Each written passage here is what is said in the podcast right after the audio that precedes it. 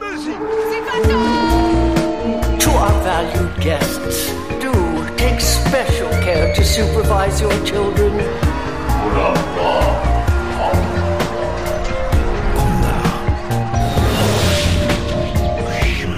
Het is weer ochtend in Pretparkland. Goedemorgen pretparkland en welkom bij je ochtendelijke pretparkpodcast. Mijn naam is Aaron Taats en Thibaut Renolijn en ik zijn vanochtend in het Sprookjesbos van de Efteling.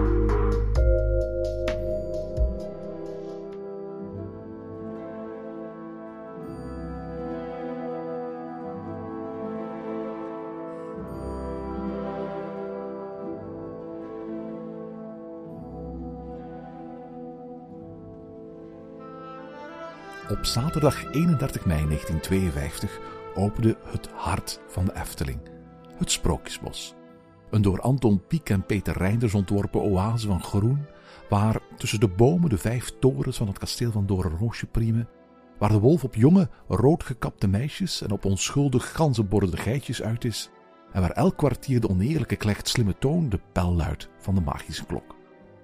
Hier verwarmt een eenzaam klein kind zich aan de gloed van zwavelstokjes. Hier breidt in het kasteel een jonge prinses truien van asters. Hier dansen de betoverde elfjes in Indische waterlelies de nacht door.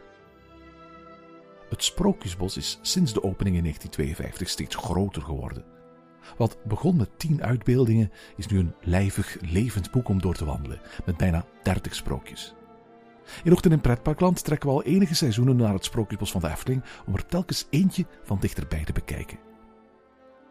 In deze aflevering zetten we onze wandeling verder en zien we hoe het bos, waar onze tocht ons tot nu toe doorheen leidde, plaatsmaakt voor een groot plein, dat in 1952 de apotheose en het eindpunt van het Sprookjesbos was.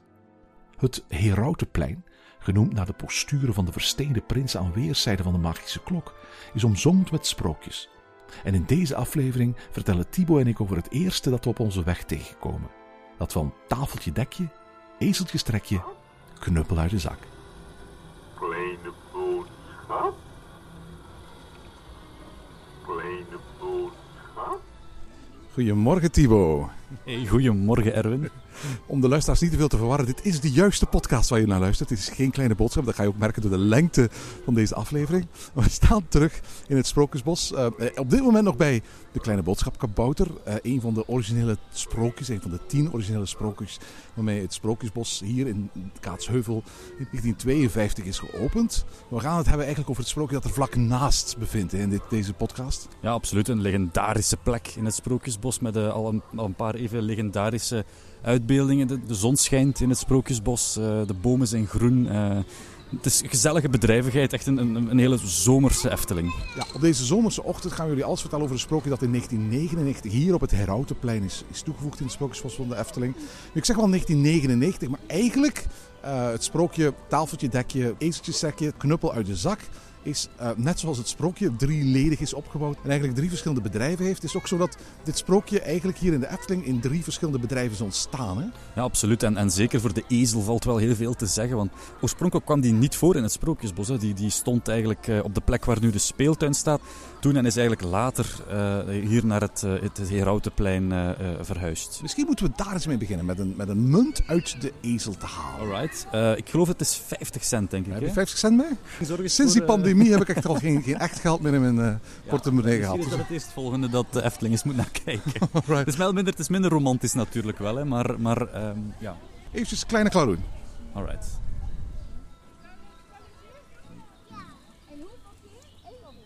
Alright, we zijn uit de Kleine Klaroen. En voor wie dat niet weet, de Kleine Klaroen is het horecapuntje op het Herautenplein. En vooral duidelijkheid, we hebben daar zonder problemen jou uh, 1 euro stuk in muntjes van 50 cent kunnen wisselen. Ze hadden heel veel uh, muntstukken van 50 cent liggen. Dus ik vermoed dat ze die vraag wel heel vaak krijgen. Ja, en, en in de toog van de kleine klaroen, waar dus tussen de donuts en de suikerwafels, daar lag, daar lag het ook vol met munten van ezeltjes trekken. Dus het is gelijk bijna een soort van punt van als je in nood zit of zo, bij wijze van spreken. Van, je hebt alleen maar 2 euro of, of 1 euro of, of, of twee stukken van 20 en eentje van 10. Je hebt 50 cent nodig voor de ezel. Even naar de kleine klaroen en dan uh, gewoon even wisselen. En dan kan je gewoon naar hartelust munten uit de ezel halen. Alright, dus uh, nu gaan we naar de ezel. Eventjes trekken, inworp 50 cent. Alright, hier gaan we. Ezeltje, strakje. Nu moet je dat echt wel vangen, Timo. Je hebt de hulp gekregen van een jongetje Ja. dat het voor jou Ja. heeft opgeraapt. Nou, het is wel een mooie. Het is eh, een, een, een Efteling klassieker die erop staat. Hè. En dat is een elfje van de Indische waterlelies. Er zijn tien verschillende, met, met tien verschillende opdrukken. Dus je kunt, als je dat wil, eh, die hele collectie van Efteling Ducaten eh, volledig krijgen. Sinds een aantal jaren is het helaas zo dat een van de meest unieke elementen van die, van die muntjes die je uit deze strekje kunt halen, er niet meer is. Hè? Ja, klopt. Hè. Er staat geen, eh, geen jaartal meer op. Hè. Ehm, ik geloof dat toen de Efteling 60 jaar bestond, dat er toen wel een speciale munt was met dus het, het jubileumjaar erop. Ehm, maar het is nu met bijvoorbeeld eh, met de opening van Symbolica, met 65-jarig bestaan, was dat niet het geval. En, en ook, ook het, al, gewoon het jaartal staat er nu eh, niet meer op. Klopt, er stonden jaartallen geloof ik tot 2000 op de, de munten. En dan zijn er nog speciale jubileumuitgaves van de munten geweest.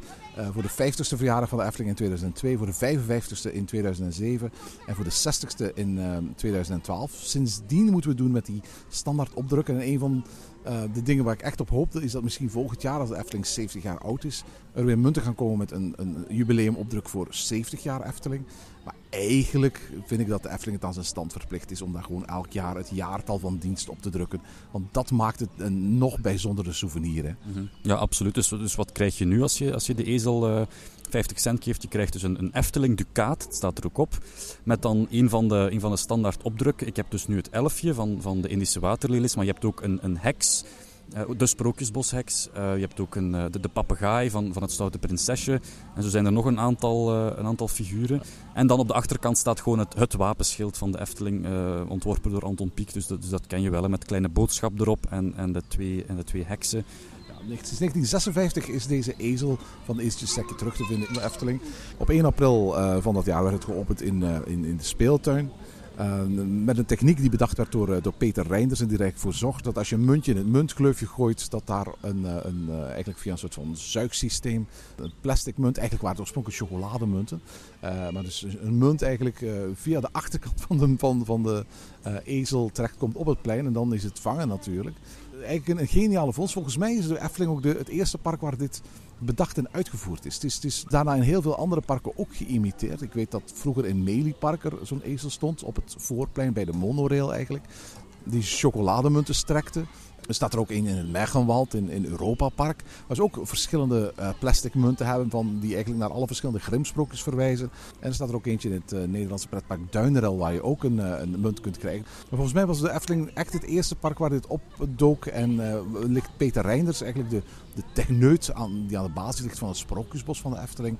Eh, aan, aan de basis daarvan. Ja, het grappige is dat je nu sinds kort in de Efteling terug van die chocolademunten kan krijgen. Ja, absoluut. Weliswaar niet meer uit het achterwerk van de ezel, maar gewoon eigenlijk in de, de meest courante eh, souvenirshops kan je eigenlijk een netje met, met eh, van die chocolademunten, ook bedrukt met, met die, met die Efteling-figuren, die kan je daar krijgen. Eigenlijk bij wijze van spreken als een soort van hommage aan, aan die eerdere, eerdere chocolademunten van, van Peter Reinders. De eerste munten waren trouwens echt goudkleurige munten. Ze zaten in zo'n goudkleurige folie zoals de munten die ze ook verkopen op dit moment in, eh, in de Efteling. En die eh, in elk geval in België, ik weet niet of die Nederlandse traditie ook bestaat, ook elke keer weer opduiken rond de Sint- Sinterklaas-traditie.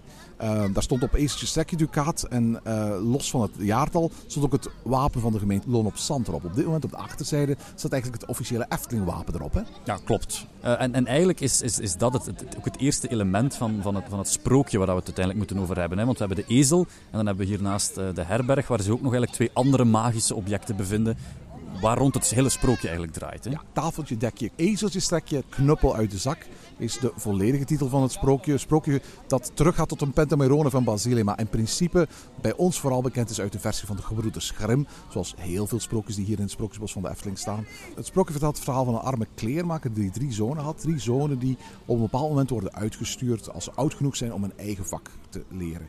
En elk van die drie zonen komt terecht bij een leermeester. De eerste zoon bij een meubelmaker, de tweede zoon bij een molenaar en de derde zoon bij een schrijnwerker, een timmerman. En nadat ze hun stil hebben geleerd, krijgen ze van elk van hun leermeesters een cadeau. De eerste zoon krijgt een betoverd tafeltje mee, een tafeltje dat zichzelf dekt als je tafeltje dekje er tegen zegt. De tweede zoon die in de leer is gegaan bij een molenaar krijgt een ezel mee, de ezel waar we nu bij zitten, die als je ezeltje sekje er tegen zegt een onbeperkte goudvoorraad uit zijn achterwerk laat komen. En eh, de derde zoon, die dus bij de timmerman in de leer is gegaan, die krijgt een knuppel mee. En als je daar knuppel uit je zak tegen roept, dan gaat hij iedereen die oneerlijk is of het slecht met je voor heeft in de buurt afranselen. En, en die premisse is eigenlijk de basis van het sprookje zoals het hier is uitgebeeld. Want elk van die broers gingen na afloop van een opleiding terug naar huis. Maar onderweg moesten ze stoppen bij een herberg. Een herberg met een oneerlijke waard. En elk van die broers moest daar overnachten, want de weg van waar ze ge- gewoond hadden naar het huis was heel erg ver. En elk van hen werd opgelicht door de waard van deze herberg. En de waard probeerde zowel de tafel te stelen, als de ezel te stelen, als de knuppel te stelen. In het geval van de eerste zoon ruilde de oneerlijke waard het betoverde tafeltje dat een, oneindige voorraad aan, aan eten en drinken kon tevoorschijn toveren om voor een gewoon tafeltje.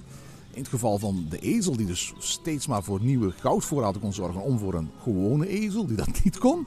In het geval van de derde zoon, dat was iets anders. De, de twee oudste zonen vertelden aan de jongste zoon wat hen overkomen was in de herberg.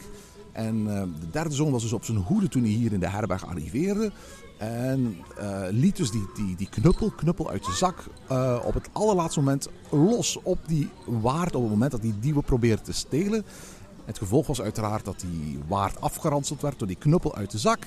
Met als gevolg dat de jongste zoon kon eisen van die waard dat hij eigenlijk zowel de toverezel als de tovertafel terug kon geven. En daarmee eigenlijk terugkeren naar zijn vader. En ook de cadeaus die zijn andere broers hadden gekregen op een veilige manier eh, thuis kon brengen. Klopt. Ehm, en ja, we, zitten hier dus ook bij, bij die herberg al waar eh, heel die, eh, al die wonderlijke gebeurtenissen, zoals de, de herberg hier van nu het, het, vertelt, hebben plaatsgevonden. Herberg ontworpen door Henny Knoet, herberg De Eersteling. En dat is ook wel iets, iets, iets interessants uiteindelijk, hè? Dat, die, dat die herberg de naam De Eersteling draagt, want dat is uiteindelijk waar de naam eh, van het, het park waar we zijn eh, vandaan zou komen. De naam Eersteling die dan verbasterd zou zijn doorheen eh, de jaren tot, tot Efteling. Ja, absoluut. Dat is een fraai staaltje volksetymologie. Ik denk dat niemand 100% zeker weet waar de naam Efteling vandaan eh, komt. We hebben in een eerdere podcast daar al uitgebreid op ingegaan. Maar een verhaal dat al vele jaren de ronde doet, is dat het gehucht de Efteling waar we ons hier bevinden, eh, dat dat de eerste verzameling van boerderijen was die zich hier in deze buurt bevond. Eh, en dat het woord Eersteling gaandeweg is verbasterd naar Efteling. En daar verwijst eigenlijk het bord aan deze, deze herberg hè. Ja, en misschien moeten we eens even kijken hè, eh, naar de herberg. Ehm, en, en misschien ja, is het dan ook wel heel duidelijk dat dit een herberg is, want, want ehm, de, ontwerper destijds, en die Knoet, heeft ervoor gekozen om, om het niet al te hard te verstoppen dat het een herberg is. Want we zien eigenlijk van ver af zien we een, een, een kookpot staan op het dak. Er is een rokende schoorsteen en er is ook een windvaan met een lepel. Waardoor eigenlijk reizigers van veraf zouden kunnen zien dat het een herberg is in een Ja. bos. Ja, en nog een veel toffer accent vind ik eigenlijk de lantaarns die, die, die branden. Ze branden niet zomaar, ze flakkeren. En, dat, dat, en, en, en symboliseren op die manier zodat dat lichtje, dat in die tijden altijd in de verte brandde, daar is een plek waar ik eventjes kan overnachten. En, en dat is eigenlijk, die flakkerende kaarsen, dat heb ik altijd een heel mooi detail gevonden aan deze, aan, aan deze herberg. Ook het rieten dak, hè, de, plaatst het eigenlijk perfect qua architectuur in deze eh, Brabantse streken. Er staat ook een bankje voor de herberg, gemaakt door een oude stronk. En bij de ingang staan allerlei maten van, van tonnen van bier en wijn dat ongetwijfeld in het verleden overvloedig is gevloeid. En dat nu uitnodigen, bij wijze van spreken, de reizigers die aan deze herberg voorbij trekken, uitnodigen om hier naar binnen te gaan. Ja, en, en die herberg, moeten we zeggen, heeft hier niet altijd gestaan. Hè. De herberg is, toegevoegd in, eh, in 1999 door dus Henny Knoet. Ehm, om, om dus eigenlijk een, een nieuwe fase, een, nieuwe, een nieuw bedrijf aan het sprookje toe te voegen. 1999 is een ankerpunt in de geschiedenis van het Sprookjesbos. Want het is een moment waarop de Efteling in één keer na vele jaren van, we mogen wel zeggen, verwaarlozing, eigenlijk zijn aandacht weer op dat Sprookjesbos ging vestigen. In 1987 was het laatste sprookje van de oude generatie toegevoegd, de Trollenkoning. Maar in 1998 verscheen er in één keer een uitbreiding in de oude siertuin met eh, Repelsteeltje en Klein Duimpje. En het jaar erop, in 1999, waren daar in één keer drie nieuwe sprookjes. Eh, de herberg, het, het kasteel van de stiefmoeder van Sneeuwwitje. En een beetje verderop in het Sprookjesbos de Chinese nachtegaal. Eh, en dan zou later nog in 2001 uh, Rapunzel toegevoegd worden in het Sprookjesbos. Dus het is zelden geweest dat op zo'n korte periode zoveel sprookjes toegevoegd zijn. Het was een bijna, bijna een grote renaissance van dat Sprookjesbos. En tegelijkertijd ging dat gepaard, die periode, met een heel grote transformatie van het groenplan van het, van, van, van het bos. Het bos was een beetje in een verwaarloosde staat terechtgekomen. En de Efteling had nood om uh, dat Sprookjesbos eens heel grondig aan te pakken. En tegelijkertijd was het zo dat een aantal Efteling-ontwerpers op zoek gingen naar manieren om het, om het Eftelingbos net iets meer diepgang te geven. We gingen op zoek naar allerlei manieren om ook kinderen die niet alleen voor de sprookjes kwamen, maar ook het bos leerden ontdekken, om die te gaan verrassen. En we zagen allerlei kleine dingetjes verschijnen. Er verscheen een knapzak van een gecrashte heks in de bomen. Er verschenen geluiden van ronddwalende dwergen eh, tussen de varens. Er verschenen op zomeravond en s'avonds laat rondvliegende vuurvliegjes in de struiken. Uh, en dat is een periode waarin ook deze sprookjes eigenlijk toegevoegd werden. Ja, en dat is iets wat je vandaag nog maar zelden ziet. Hè, dat er meerdere sprookjes in één keer worden toegevoegd of zo. Nu is moeten we eigenlijk altijd een aantal jaar wachten tot iets bijvoorbeeld als de Zes Zwanen wordt toegevoegd. Maar toen had je ineens zo, gelijk zo een, een, een, bijna een soort overload van oké, we openen gelijk een heel nieuw deel van het Sprookjesbos. En, en dat was dan ook toen dat de herberg werd geopend, dat je ineens ook Sneeuwwitje, en dat gaan we ongetwijfeld nog wel vermelden in, in, de, in de aflevering uh, over, uh, over zelf, maar dat je ook, ook wel gelijkenissen kunt zien tussen, tussen, tussen de gebouwen van de herberg, herberg de Eersteling en, en, en. Maar dat is iets wat we vandaag eigenlijk, eigenlijk niet meer tegenkomen, hè? Dat, dat er meerdere dingen in één keer worden toegevoegd. Het is veel, het is veel meer opbouwen naar, naar één iets, en dat dan wordt losgelaten op het Sprookjesbos, maar nooit meer eigenlijk dat we zo... En die nieuwe bewoner en die nieuwe prinses en die nieuwe kabouter of, of, of, figuur mogen verwelkomen. Je moet ook beseffen dat dit heilige grond was. Hè. We bevinden ons hier op het Herautenplein. Voor veel Efteling-liefhebbers het hart van de Efteling. Voor mij ook een van de allermooiste plekken in pretparkland. Om hier aan grote dingen aan te passen, uh, daar moet je lef voor hebben. Want je moet er wel voor zorgen dat je, dat, dat, dat, je dingen op een hele zorgvuldige manier inplant. En is in de loop van de geschiedenis al de ene keer voorzichtiger gebeurd dan de andere keer hier op het Herautenplein. Overigens, de plannen om hier zowel um, de, de, de, herberg van Eestje Strekje als het kasteeltje van de stiefmoeder van Sneeuwwitje te bouwen waren niet nieuw. Ik heb nog een plattegrond uit 1986 waar exact deze gebouwtjes op het Herautenplein stonden ingetekend. Met daarop de tekst nieuw 1986. Men was dus al in 1986 van plan om dit ooit te bouwen. En ik geloof dat het Ton van de Ven was die last minute besloot om dat toch maar niet te doen. Dat we deze sprookjes in 1999 wel zien verschijnen, heeft natuurlijk alles te maken met de Winter Efteling. Want laten we heel eerlijk zijn, in de Winter Efteling is het een heel kaal plein. Er staan alleen maar loofbomen. En dat wil zeggen dat al het groen verdwijnt. En dat je eigenlijk een volledige doorkijk hebt van het, het Herautenplein naar andere stukken van het, van het bos.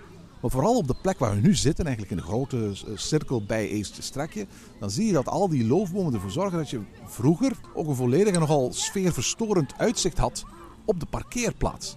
En toen de Winter Efteling traditie begon, uh, was dat eigenlijk het goede moment om, om deze sprookjes hier te bouwen. En ervoor te zorgen dat er als het ware een soort van muur gebouwd werd.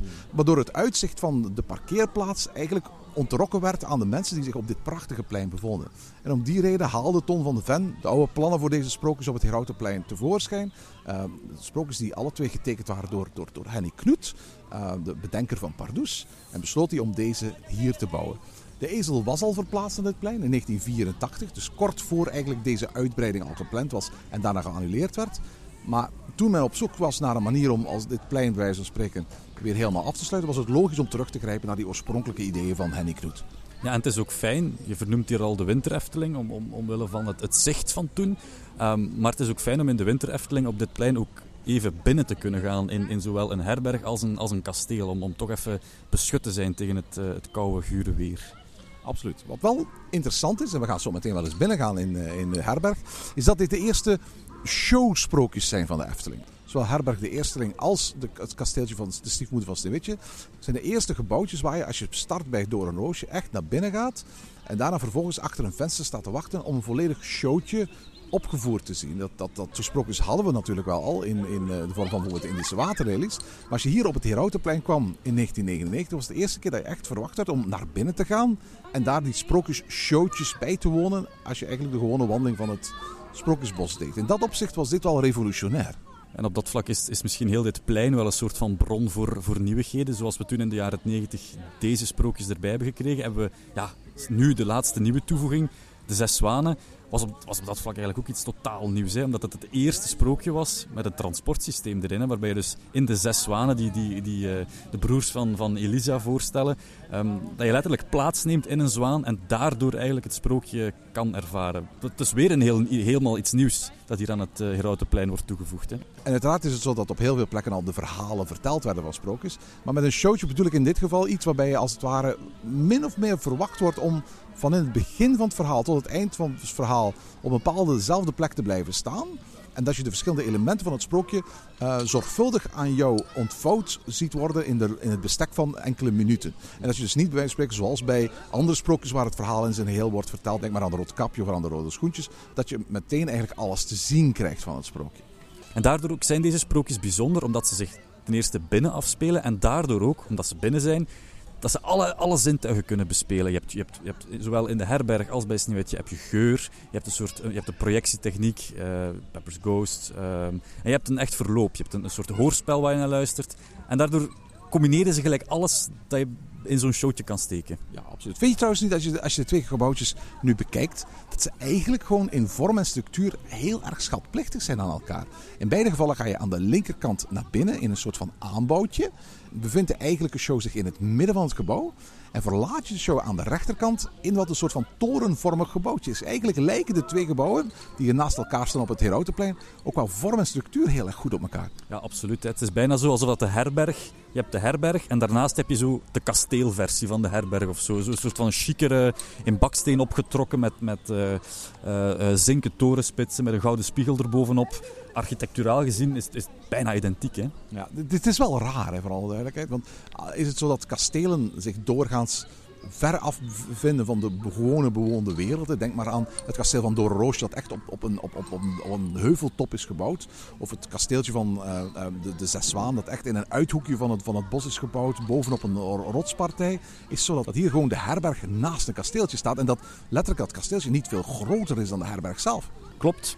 Het ding is ook van, in hoeverre heb je bij het kasteel van Sneeuwwitje het gevoel dat je naar een kasteel gaat. Uh, bij de herberg snap ik het. Bij de herberg heb ik het gevoel, oké, ik zie die ketel staan en ik snap, je wilt misschien reizigers van in de verte duidelijk maken door een ketel op je schouw te zetten van hier is eten te verkrijgen. Maar bij het kasteeltje, ik weet niet of ik er zo'n een kasteelgevoel bij heb of zo. Het ligt ook niet op een, op een bergje of, of zo. Het is, het is misschien bijna te toegankelijk om een kasteel van een koningin te zijn. Daar moeten we misschien dieper op ingaan in onze volgende podcast. Doen we. Maar dus in 1999 is hier de herberg ontstaan. Maar we kunnen het natuurlijk niet onvermeld laten dat tegelijkertijd ook dat, dat sprookje hiernaast is, is, is ontstaan. En in de herberg wordt het tweede deel van het sprookje verteld. Het eerste deel van het sprookje was dat van eerste strekje. Dat maken we hier mee op het plein waar we hier zitten. Het tweede gedeelte van het sprookje, dat is eigenlijk het showtje waar je naar kijkt hier in de herberg. De derde gedeelte van het sprookje, dat is knuppel uit de zak. En die knuppel uit de zak, die hangt daar ook in de hal waar je naar binnen komt. Maar ook die was in 1999 niet nieuw. Nee, absoluut. Die kwam eigenlijk, net als, net als de ezel, kwam die ook van een andere plek. Want die had tot dan toe had die in het Sprookjesmuseum gehangen. Dat zich dus bevond in het, in het, in het huisje van, uh, van vrouw Holle.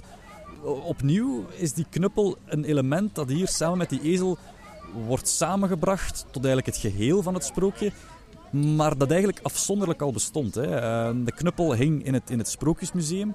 Um, en er hing een, een, klein bordje naast. De, de knuppel niet tergen stond daarop. Omdat natuurlijk als je een, een, een soort van duivelse knuppel uh, plaagt, dan, dan, dan, krijg je rammel.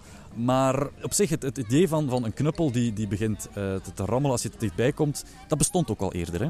Het Sprookjesmuseum dat hier opende in 1963 bevatte een heleboel sprookjes. Maar uiteraard, het sprookje waar we het nu zo over hebben, dat is de knuppel uit de zak. De knuppel uit de zak was eigenlijk niet meer dan gewoon een, een, een, een, een houten of kunststof knuppel die aan de, de muur bevestigd werd. En die knuppel zat achter tralies, want uiteraard je kon nooit weten of er een oneerlijk mens of een mens met slechte bedoelingen toevallig ook in dat Sprookjesmuseum van de Efteling terecht zou komen. Het was um, techneut Broeders die in 1965 een techniek bedacht om ervoor te zorgen dat wie aan uh, dat, dat het rasterwerk uh, kwam, waarmee die knuppel werd afgeschermd, dat er dan een soort van mechanisme was dat die, die, die knuppel automatisch deed bewegen dat interactieve effect dat hebben we niet meer. Het is niet meer zo dat uh, de knuppel in, in Herberg de Eersteling gaat bewegen op het moment dat je er ergens aankomt. Maar hij maakt nu op dit moment deel uit van het verhaal. Op het moment dat hij vermeld wordt in de hoofdshow, dan gaat hij kloppen eigenlijk in, in de inkomhal. Ja, het is ook zo dat de knuppel ook werkt met een bewegingssensor. Dat als je de herberg binnen wandelt, dat hij dan ook begint te rammelen. Ja, inderdaad, dat was ik nog vergeten te vermelden. En, en, en naast die knuppel, want het sprookje heet Knuppel uit de zak, vindt zich ook een vitrine waar je de zak, waar de knuppel oorspronkelijk door de jongste zoon in bewaard werd, te zien is. Ik stel voor dat we eens opstaan en dat we het, het sprookje van dichtbij gaan bekijken, Thibaut. Ja, graag Erwin.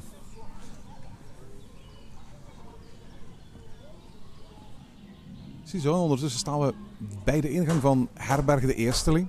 Voor alle duidelijkheid, de Herberg de Eersteling dateert uit 1999. En toen was de euro er nog niet. Toen was de gulden er wel en in België waren het de franken. Maar er was nog geen sprake van euro's.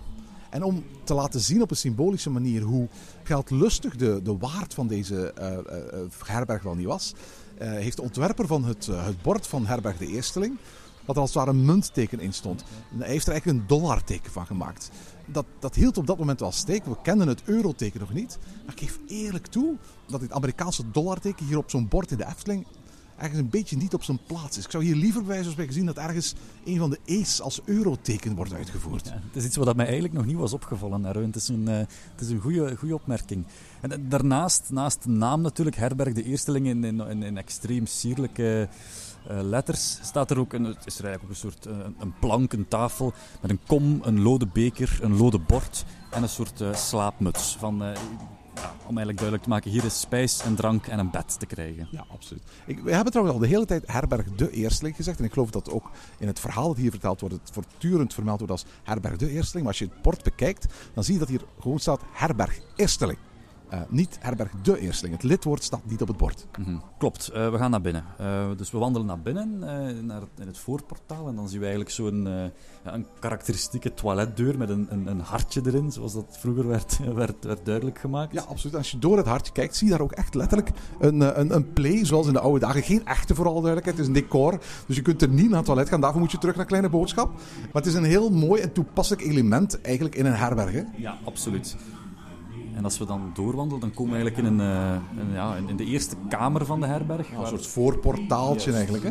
Een soort misschien voorraadruimte noemen. Een soort ja, een voorraadruimte inderdaad. eh, waar onder andere de knuppel hangt, maar waar ook eh, eh, eh, gerief eh, aanwezig is om, om in de... Ah, zie je, voilà. Nee, de knuppel heeft ons al gezien en blijkbaar vindt hij ons niet super betrouwbaar. Hè? Hij, hij ranselt ons, hij wil ons direct afranselen, Erwin. Ehm, Goed dat de traal is die Anton Pieck eh, ontworpen heeft eh, hem in bedwang kan houden. absoluut. En er hangt ook een, een, een zware lode bal aan, zodat de knuppel zeker niet, eh, zeker niet kan, gaan, eh, kan gaan weglopen. Ehm, en dat- ja, daar, dus er hangt hier ook nog eh, ja, een rieken en schoppen om zeg maar, misschien de moestuin van de herberg te onderhouden. De lode ketels, eh, eh, van die, eh, ja, een, een kast met misschien eh, specerijen in of zo. eh. ja, en natuurlijk ook die gezellige kaarsjes, hè, die... eh, Zowel langs de knuppel hangen als, als ook eh, op, een, op een schap aan de muur naast eh, een fles wijn en eh, allerlei eh, ja, attributen. eh. Absoluut. En in de hoek vinden we uiteraard de knuppel van de knuppel uit de zak. Het is natuurlijk een beetje, beetje raar om je af te vragen van waarom hier in, in, in deze herberg deze knuppel eigenlijk zo achter tralies zou worden gehouden. Want in principe is het zo dat als het sprookje is afgelopen, de, de jongste zoon de knuppel en de tafel en de ezel terug meeneemt naar zijn vader en zijn broers. Dus in principe is er geen enkele reden waarom deze knuppel hier op deze manier uitgestald zou worden. Laat staan dat er een vitrine zou moeten zijn waar, waar, waar de jute zak, waar de knuppel in zit, zou moeten staan. Eigenlijk is het een manier om het sprookje te presenteren, maar het is niet echt getrouw aan het verhaal van het sprookje zelf eigenlijk. Nee, het is, het is bijna alsof dat je in een soort van museumpje terechtkomt. Zo, hè? Van, kijk, in deze herberg heeft ooit dit, dit legendarische tafereel plaatsgevonden van die, van, die, van die magische knuppel die die waard eh, heeft afgeranseld. En om aan jullie te tonen, bezoekers, hebben we die knuppel hier opgehangen. Eh, maar als je het echt louter verhaalkundig eh, bekijkt, houdt het niet zo heel veel steek natuurlijk. Hè? We gaan eens naar de eigenlijke gelachkamer hè, waar het verhaal zich allemaal bevindt. En we hebben geluk, we worden meteen verwelkomd. En rust, zodat ik u kan verhalen over de wonderlijke dingen die hier eens gebeurden. Ja, opnieuw hier de waard, de waard van nu zegt dan eigenlijk: Ik ga u verhalen over de wonderlijke dingen die hier eens gebeurden. Dus ze gaan er eigenlijk vanuit van: Dit is de herberg waar die, die, die, die magische dingen gebeurd zijn. En daarom hebben we die knuppel hier ook nog bewaard of zo. Dat is hoe het in mijn hoofd dan. eh, Ja, absoluut. hoofd Er is ook geen reden waarom tot op de dag van vandaag dat dat jongetje hier nog altijd zou zitten natuurlijk. hè. Als, als die verteller eigenlijk vertelt dat dit gaat over gebeurtenissen die ooit lang geleden gebeurd zouden zijn. Ergens zit er een soort van ja, incongruentie tussen wat, wat de verteller vertelt en wat we hier te zien krijgen. Hè. Bijna, het is bijna een soort van teletijdsmachine eigenlijk. Hè. Waarbij we teruggaan in de tijd en uitgebeeld zien wat hier lang geleden gebeurde. Ja, een beetje bokrijk, hè? Een beetje bokrijk, absoluut. Eh, we zien een aantal tafeltjes, twee tafeltjes met zitplaatsen. En aan de ene kant is het wel tof dat je, eh, als je hier gekomen bent en je voeten zijn moe, je voeten eventjes kunt laten rusten. Maar aan de andere kant heb je dan niet meteen het beste uitzicht op het tafereeltje. Nee, klopt. Dus dit zijn wel van die heerlijk robuuste tafels die je echt in een eh, soort middeleeuwse herberg zou verwachten. Ehm, dus op regenachtige dagen even, gaan zitten. Maar inderdaad, zeker met dat het tafereel eigenlijk al in een, in een soort tweede gelachkamer plaatsvindt, en er soms wel eens wel volk gaat staan voor het, voor het tafereel, zijn die tafels niet de beste plek om, eh, om te kijken natuurlijk. Het verhaal dat we hier horen is oorspronkelijk geschreven door Marij Sloothaak. Dat was een copywriter die in dienst was bij de Efteling in- tussen 1998 en pakweg 2001. Heel wat copy voor folders, voor boeken, brochures en allerlei dingen heeft gedaan. Ze heeft ook het sprookje geschreven dat, dat hier eh, eh, wordt uitgebeeld. En haar zoon heeft trouwens de stem van de jongste zoon ingesproken. Oh, oké, oké, oké. Nu moeten we wel vermelden dat het verhaal zoals we het nu horen, eh, ingesproken door, door herbergier, zeg maar, Pieter Lutz, ehm, niet hetgeen is waarmee het sprookje toen opende. Hè. Eh, de vertelling was toen vele malen langer en, en ook veel te lang om uiteindelijk de, de clue van het verhaal mee te krijgen en om het, het spektakel dat zich hier eh, in de herberg afspeelt van het magische tafeltje, om, om dat eigenlijk mee te krijgen. Veel bezoekers hadden zoiets van, oké, we hebben het nu wel gehoord, en we zetten onze reis verder zonder eigenlijk de essentie van het, van het sprookje mee te krijgen. En het is uiteindelijk ook legendarisch Efteling-figuur Dennis Bots die het sprookje toen eigenlijk heeft heraangepakt en het hoorspel ook heeft herschreven, hergeregisseerd. Is ook opnieuw ingesproken, er zijn geluidseffecten aan toegevoegd. Eh, en, en op die manier wordt het verhaal eigenlijk veel bondiger verteld en, en kan eigenlijk iedereen op kleine, kleine twee minuten de essentie van het sprookje meekrijgen. Ja, absoluut. Hè, want eh, vooral duidelijk, ik heb ooit nog een audio-opname gemaakt zelf eh, van het oorspronkelijke sprookje. De Efteling heeft eh, deze versie nooit uitgebracht op cd of zo. Ik heb ook nog een audio-opname gemaakt van het oorspronkelijke sprookje. En dat, dat duurt wel heel erg lang. Er wordt, wordt heel veel detail en, en, uitweiding, het hele sprookje verteld. En dat zorgde ervoor dat, dat, dat wie hier stond te kijken al heel snel verveeld werd. Maar het zorgde ook ervoor dat de doorstroom heel erg langzaam was. Want mensen moesten natuurlijk veel langer wachten tot een volgende groep het, het, het sprookje verlaten had. En dus hij heeft de Efteling al heel snel, en hetzelfde is trouwens gebeurd met eh eh, Sneeuwwitje hiernaast, dat sprookje aanpassen. Ja, klopt. En opnieuw een parallel tussen die twee sprookjes, waar dat Dennis Bots hier het, het, zeg maar het, auditieve gedeelte heeft eh, aangepakt, was Dennis Bots ook verantwoordelijk voor de, de, stief, de, de verschijning in de spiegel van de stiefmoeder. Maar eh, daarover later zeker meer. Hè. Dit was in 1999 de eerste Pepper Ghost ook die je tegenkwam in het. Ondertussen hebben we er al een andere gehad bij Pi- Pinocchio. Maar Pinocchio is natuurlijk van veel recentere datum. Eh, maar als de klerenmaker zo'n tafeltje dekken zegt, dan verschijnt op de tafel een eetmaal. Terwijl de herberg hier van achter de deur alles staat gade te slaan op een jaloerse manier. Want, dat- is natuurlijk een goudmijn voor hem. Ehm, en, en in die tijd was dat de allereerste keer dat, dat, dat, een eh, Pepper's Ghost, die we al kenden van Fata Morgana, die we al kennen van het Spookslot, in het Sprookjesbos te zien was. Ja, en ik vind het ook bijzonder. Vaak wordt een Pepper's Ghost gebruikt om, om, om, om een figuur, een geest of zo te laten verschijnen. Maar ik heb het altijd fascinerend gevonden dat dat hier wordt gebruikt om eten te laten verschijnen. En ik ga nooit vergeten dat ik als, als, als kleine jongen, toen ik voor de eerste keer in de Efteling kwam, ik zo was gefascineerd van, wauw, er verschijnt eten op die tafel. en dat mijn grootvader toen zei van, ja, maar ze doen dat met een hologram. Ik, dat is exact wat de vader van een vriend van mij ooit verteld heeft over de geesten in het Spookslot. Dat zijn hologrammen. Hologrammen. En ik was daar zo door gefascineerd dat toen, toen eh, de Sint nog kwam bij mij, dat er toen op mijn verlanglijstje voor Sinterklaas stond, ik wil heel graag een hologram hebben. Uiteraard. En uiteindelijk volstond gewoon een, glazen plaat. Ongelooflijk. Toen ik dat ontdekte, Erwin, er ging een wereld voor mij Misschien open. moet ik kort even vertellen voor de, voor de luisteraars die hier invallen. Wat is een Het is eigenlijk een, een, een- ondertussen al een eeuwenoude theatertechniek. hè. Het is door middel van een glasplaat dat je eigenlijk een, transparante verschijning kan, kan eh, tevoorschijn laten komen. Hè. Het idee is eigenlijk dat je op, een, op, een, op een plek, een donkere ruimte, eh, ingekleed in zwart, onzichtbaar voor je publiek, een object, in dit geval eten, of dat kan ook een animatronic zijn, hebt staan. En eigenlijk in een hoek van 45 graden daartegenover eh, een glasplaat. En door eigenlijk het object in die zwarte kamer te belichten, valt eigenlijk de reflectie van het object op die glasplaat, waardoor het eigenlijk in het gezichtsveld van het publiek terechtkomt en een soort van transparante verschijning wordt. Denk aan de, de, de ballroom in Haunted Mansion of Phantom Manor.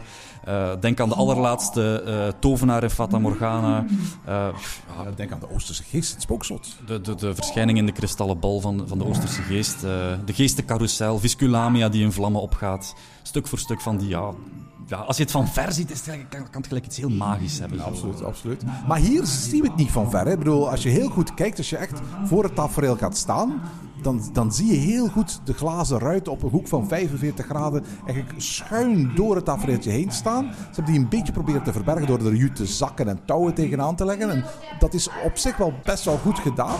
Ehm, maar, maar toch valt ze zeer op. Je staat er ook heel dichtbij. En het is ook niet echt donker in deze ruimte. Het is niet echt donker, ehm, waardoor ook eh, hoe lichter je de ruimte maakt waar je de verschijningen wil laten tevoorschijn komen, hoe transparanter de verschijning zelf wordt natuurlijk.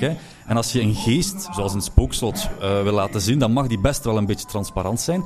Als je echt op een realistische manier eten wil laten verschijnen op een tafel, en dan blijft het zo'n beetje wazig, dan kan je afvragen, van, ja, in hoeverre is het dan, komt het dan overtuigend over? Ik weet dat ik het als kind heel overtuigend vond, maar Ik heb altijd deze Pepper Ghost wat, wat, wat vaag en ook wat, wat schimmig gevonden. Ja, het, is, het, is, het ziet er zo'n beetje dubbel uit. Zo. Het- Er, zit, er, zit gelijk, er zit gelijk ja, een laagje overheen dat, dat het niet helemaal... En je opmerking is heel juist. Je verwacht dat de Pepper Ghost voor geestverschijnen gebruikt wordt en niet voor zoiets concreets als eten.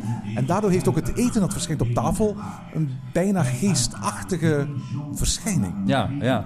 Ehm, ik weet niet wat jouw mening is. Ze hebben er nog van die, van die twinkellichtjes bij. Verschrikkelijk, ja. Net- je net- verschrikkelijk? Absoluut, ja? ik vind het echt verschrikkelijk. Net zoals ik, ik vind dat die kerstboom die ze onder de rok van Assepoester gestopt hebben, daar eigenlijk echt niet thuis hoort. Eh, ik, dat, dat vind ik nog veel sterker als het ware de verschijning van eten eh, doorbreken. Plus het, ding is ook, de, de, de glasvezel die gebruikt wordt om, om de twinkeling te tonen, zit bij, de, zit bij de Peppers Ghost van het eten. Dus zit bij die donkere kamer, zeg maar, ehm, in de zwarte doos. Met de hedendaagse techniek van, van, van, van, van, van glasvezel, dat we, dat we al op andere plekken hebben gezien, zou het misschien interessant zijn om, om, eens, om eens iets te proberen met het tafeltje zelf. Om bijvoorbeeld een soort van, van die fiber te verwerken, zoals we bij de Zes Zwanen ook zien, in het tafeltje zelf. Dat, dat er daar iets mee gedaan wordt, in plaats van zeg maar, de, de lichtjes bij de, bij het eten zelf te steken, waardoor het altijd zoiets iets, iets, eh, iets vaag blijft hebben. Zo, hè? Kloet heeft dit tafereeltje ontworpen. Wat vind je van deze zoon? Ja, wil ik dat echt zeggen? Ja, ja, ja. Wel, laat ons zeggen, hij ziet eruit alsof hij constant moet niezen. Ehm, en, goh ja, alsof er ergens toch wel iets is misgelopen of zo. Ja, ja, ja, ja, een slag van de molen heeft gehad of zo. Ja, het is geen molenaarszoon, maar inderdaad. eh, het, is, het is een heel raar gezicht. En vooral zijn blik is wat, wat, wat, wat, wat, wat diffuus, laat ik het even beleefd proberen uit te Dat de drukken. waard iets in de soep heeft gedaan of zo. eh, Hij heeft geen eten gekregen van de waard. Hij zou zorgen voor zijn eigen man natuurlijk. Maar een tafeltje dat misschien niet te vertrouwen Juist, is. absoluut. Dus, eh, er is ook heel iets raars in de, in, de, de montage van het verhaaltje. Dat hij op een bepaald moment, zo gezegd volgens het sprookje, eh, het eten laat verschijnen door tafeltje te zeggen. Maar als je heel goed luistert, zegt hij eigenlijk tafeltje dekje nog voor het eten verschijnt. In zijn zoektocht naar wat ook alweer de juiste spreuk was. Ja, inderdaad. En op dat moment verwacht dat dan al in principe het eten zou moeten verschijnen. Dus het is, zo, het is een beetje zoeken om te zoeken. Zo, eh. De waard, die heeft ook zo'n beetje een wassen gezicht. eh, maar bevindt zich gelukkig een beetje in, in, in, in de duisternis. Dus wat dat betreft, dat past wel. En heeft ook een soort van omineuze sfeer op, over zich heen. Ik heb nog een vraag voor jou, Erwin. We hebben het net gehad over zeg maar, het, het, museumgehalte van deze herberg. eh, het Bokrijk-gehalte van... We gaan jou een verhaal vertellen dat zich ooit in deze herberg heeft afgespeeld. Er is nog zo'n element in deze herberg waarbij je dat zou kunnen, zou kunnen toepassen. Hè. Er zijn hier deuren in de herberg en daar hangt zo... De klink van die deuren ziet er eigenlijk uit als een handje dat een knuppel vast heeft. Ja, klopt, ja. Dus dan zou je bijna denken: ja, maar hoe kan dat dat in een herberg waar een verhaal over een knuppel zich heeft afgespeeld, dat zou dan toch ook bijna later al in die herberg zijn toegevoegd? In Ja, plaats maar van... we zien dat tijdens de, de scène zelf dat al aanwezig is. Dus, dus dat Ja. klopt natuurlijk niet. Eh, de Efteling heeft dat soort doorbreken van de, de, de narratieve coherentie wel vaker toegepast. Hè. Dat zien we bijvoorbeeld ook bij, bij, bij Aspoester, waar die klokjes van 12 uur op staan. Dat zien we bij spreken ook bij eh, de Zes Zwanen, waar ook zwanenmotieven in de, de vaandels van het kasteel zijn, zijn, zijn afgebeeld. En dat terwijl eigenlijk de zwanen een, een vloek zijn die over die, die, die zonen zijn uitgesproken. Eh, ergens narratief zit dat niet helemaal oké. Eh, misschien, mag je, misschien stellen we ons er gewoon te veel vragen bij. Maar ik denk dat, dat het museale gehalte van dit sprookje groter is dan bij een gemiddeld ander sprookje in het Sprookjesbos. Overigens, dat, dat handvat met dat, dat knuppeltje erin, dat is iets wat je gewoon kunt bestellen. Ik weet dat we vorig jaar nog in Durbuy waren, in, de Ardennen. En daar verschillende huisjes zagen die exact hetzelfde handvat eh, hadden. Dus dat is niet iets wat de Efteling speciaal ontworpen heeft. Waarschijnlijk uit een catalogus gekocht, omdat ze dachten van, dit is best wel toepasselijk. Mhm, klopt. Eh, en nu, het sprookje begint hier eh, opnieuw en, en eh, misschien toch ook wel iets interessants om, om aan te halen, is de muziek die wordt gebruikt ehm, als achtergrondmuziek. Het is een soort van ja, middeleeuwse fluit, luidmuziek. Ehm, ehm, en, en ook daar is weer een parallel mee te trekken met het sprookje van Sneeuwwitje. Hè? Ja, absoluut. Het is een danscompositie van Michael Pretorius uit de vroege 17e eeuw. Uh, en het komt uit een album dat oorspronkelijk in 1986 is uitgebracht. Dat is wel interessant, want 1986 was ook het jaartal waarin deze sprookjes oorspronkelijk toegevoegd zouden worden aan het, aan het Sprookjesbos. Dus zelfs dat hadden ze ergens, ergens liggen. En dat hebben ze dan uiteindelijk in 1999 toch gebruikt. lange tijd was niet bekend of dit muziek was die de Efteling zelf had gemaakt of dat die ergens vandaan kwam. maar dankzij het Kazaan-tijdsperk zijn Efteling-fans erachter gekomen wat die muziek was. En wat de muziek is die ook in het, het kasteeltje van de Sifo zoals Sneeuwwitje speelt. En ook daar is een stuk muziek gebruikt van, uh, van Pretorius. Uh, en op die manier zijn beide sprookjes wel weer met elkaar te verbinden eigenlijk. Ja, het was alsof toen, dat, toen dat de sprookjes open gingen, dat er muziek nodig was voor onder, de, voor onder de stemmen te zetten. En als ze dachten van, we hebben die cd hier liggen, we zoeken gewoon twee trekjes die, uh, die elk bij het sprookje passen. Ik vind het wel heel toffe muziek hoor trouwens. Ja, het, is echt zo, het is echt zo gezellige herbergmuziek. Ja, hè? Zo, uh, heel gemoedelijk, heel uh, vrolijk. ja, je voelt je direct welkom. De, de, achtergrondstemmen trouwens die je hoort, komen van een BBC sound effect geluidalbum. Als je heel goed luistert, hoor je ook dat de, de stemmen op de achtergrond Engels praten met elkaar. Kijk, dat wist ik niet, dat wist ik niet. Uh, iets anders, de, de, we, hebben dan, we hebben dan natuurlijk de, de, de, Peppers Ghost gehad. We hebben uh, de, de animatronics, uh, ook een hond is er aanwezig. We hebben de, de, muziek. Als je hier op het juiste moment komt, kan het hier ook echt heel lekker ruiken. Ja, er wordt op een regelmatige poos een heerlijke kaneelgeur het, het, het herbergje ingespoten. En, en die is tot ver buiten de herberg eigenlijk te ruiken. Hè? Ja, absoluut. en dat, daardoor krijgt het opnieuw zoiets van een... kan je direct voorstellen dat hij ergens in, een, in, een, in een oven peperkoek of zo wordt gebakken. Zo, of speculaas of zo. Ja, absoluut. absoluut. Uh, om te besluiten, maar ik stel voor dat we eventjes gewoon weggaan uit de herberg. Wat vind je eigenlijk van dit sprookje? Hoe, hoe uh, bevindt het zich eigenlijk in het patrimonium van het algemene Efteling Sprookjesbos voor jou? Ik, ik, schat het wel vrij hoog in. Ik heb er wel ik heb er enorm boontje voor, moet ik wel zeggen eigenlijk. En dat komt ook door, door het verhaal dat ik daarnet vertelde over de Peppers Ghost. Maar ik vind, dat, ik, vind het, ik vind het over het algemeen heel sfeervol. Ik vind de vertelling bijzonder sfeervol. Ik vind de, de, de, mood die hangt in de herberg heel, heel prettig. Um, dus ik kom er eigenlijk heel graag. Oh, bij mij ook. Ik vind het een eh, heel tof sprookje. Ik, ben dol op kaneel, dus op zich vind ik het er eigenlijk wel heel lekker, uh, lekker ruiken. Ondanks het feit dat een aantal elementen van het verhaal er narratief misschien niet 100% kloppend in zijn verwerkt, is het wel een hele mooie uitbeelding. Zeker als je de, de, de knuppel en de ezel er buiten bij neemt van dit sprookje. Het is ook tof, ik, heb het gezegd bij Pinocchio, ik hou van sprookjes die zich niet als het ware al in één keer aan je vertonen. Maar waar je echt letterlijk gewoon verschillende elementen hebt die samengebracht worden om het verhaal te vertellen. Dat heb je hier ook. Je hebt die knuppel in de entreehal, uh, je hebt het, uh, tafeltje in, in, uh, in de eigenlijke show, je hebt de ezel hiervoor. En ook al is het het enige sprookje wat, als je het echt helemaal wil zien, je eigenlijk moet betalen. Het kost je 50 cent om het volledige sprookje te er ervaren. Vind ik het eigenlijk een heel mooi passend geheel. Uh, de stijl van Henny Knoet en vooral de, de Henny Knoet die Pardoes uh, heeft ontwikkeld en alles wat daaraan vasthangt. Dat is niet mijn favoriete Efteling-stijl. Maar wat hij hier heeft neergezet, zit de stijl van Anton Pieck en de stijl van het Sprookjesbos echt als gegoten. Ja, absoluut. En ik bedoel, de ezel is, is een icoon binnen de Efteling op, op, op heel veel vlakken. Dus gewoon als je, als je hier bent, uh, ik, ik, ik hou ze allemaal bij steek 50 cent in die ezel en haal er een muntje uit. En, en het, is, het is echt een, het is gewoon een, een, een Efteling herinnering om te koesteren. En tot zover deze aflevering van Ochtend in Pretparkland. Volg ons via het Pretparkland op Twitter, Instagram en Facebook of mail naar ochtend.pretparkland.be. Ochtend in Pretparkland is de pretparkpodcast voor vroege vogels. Bedankt voor het luisteren en maak er een fijne dag van.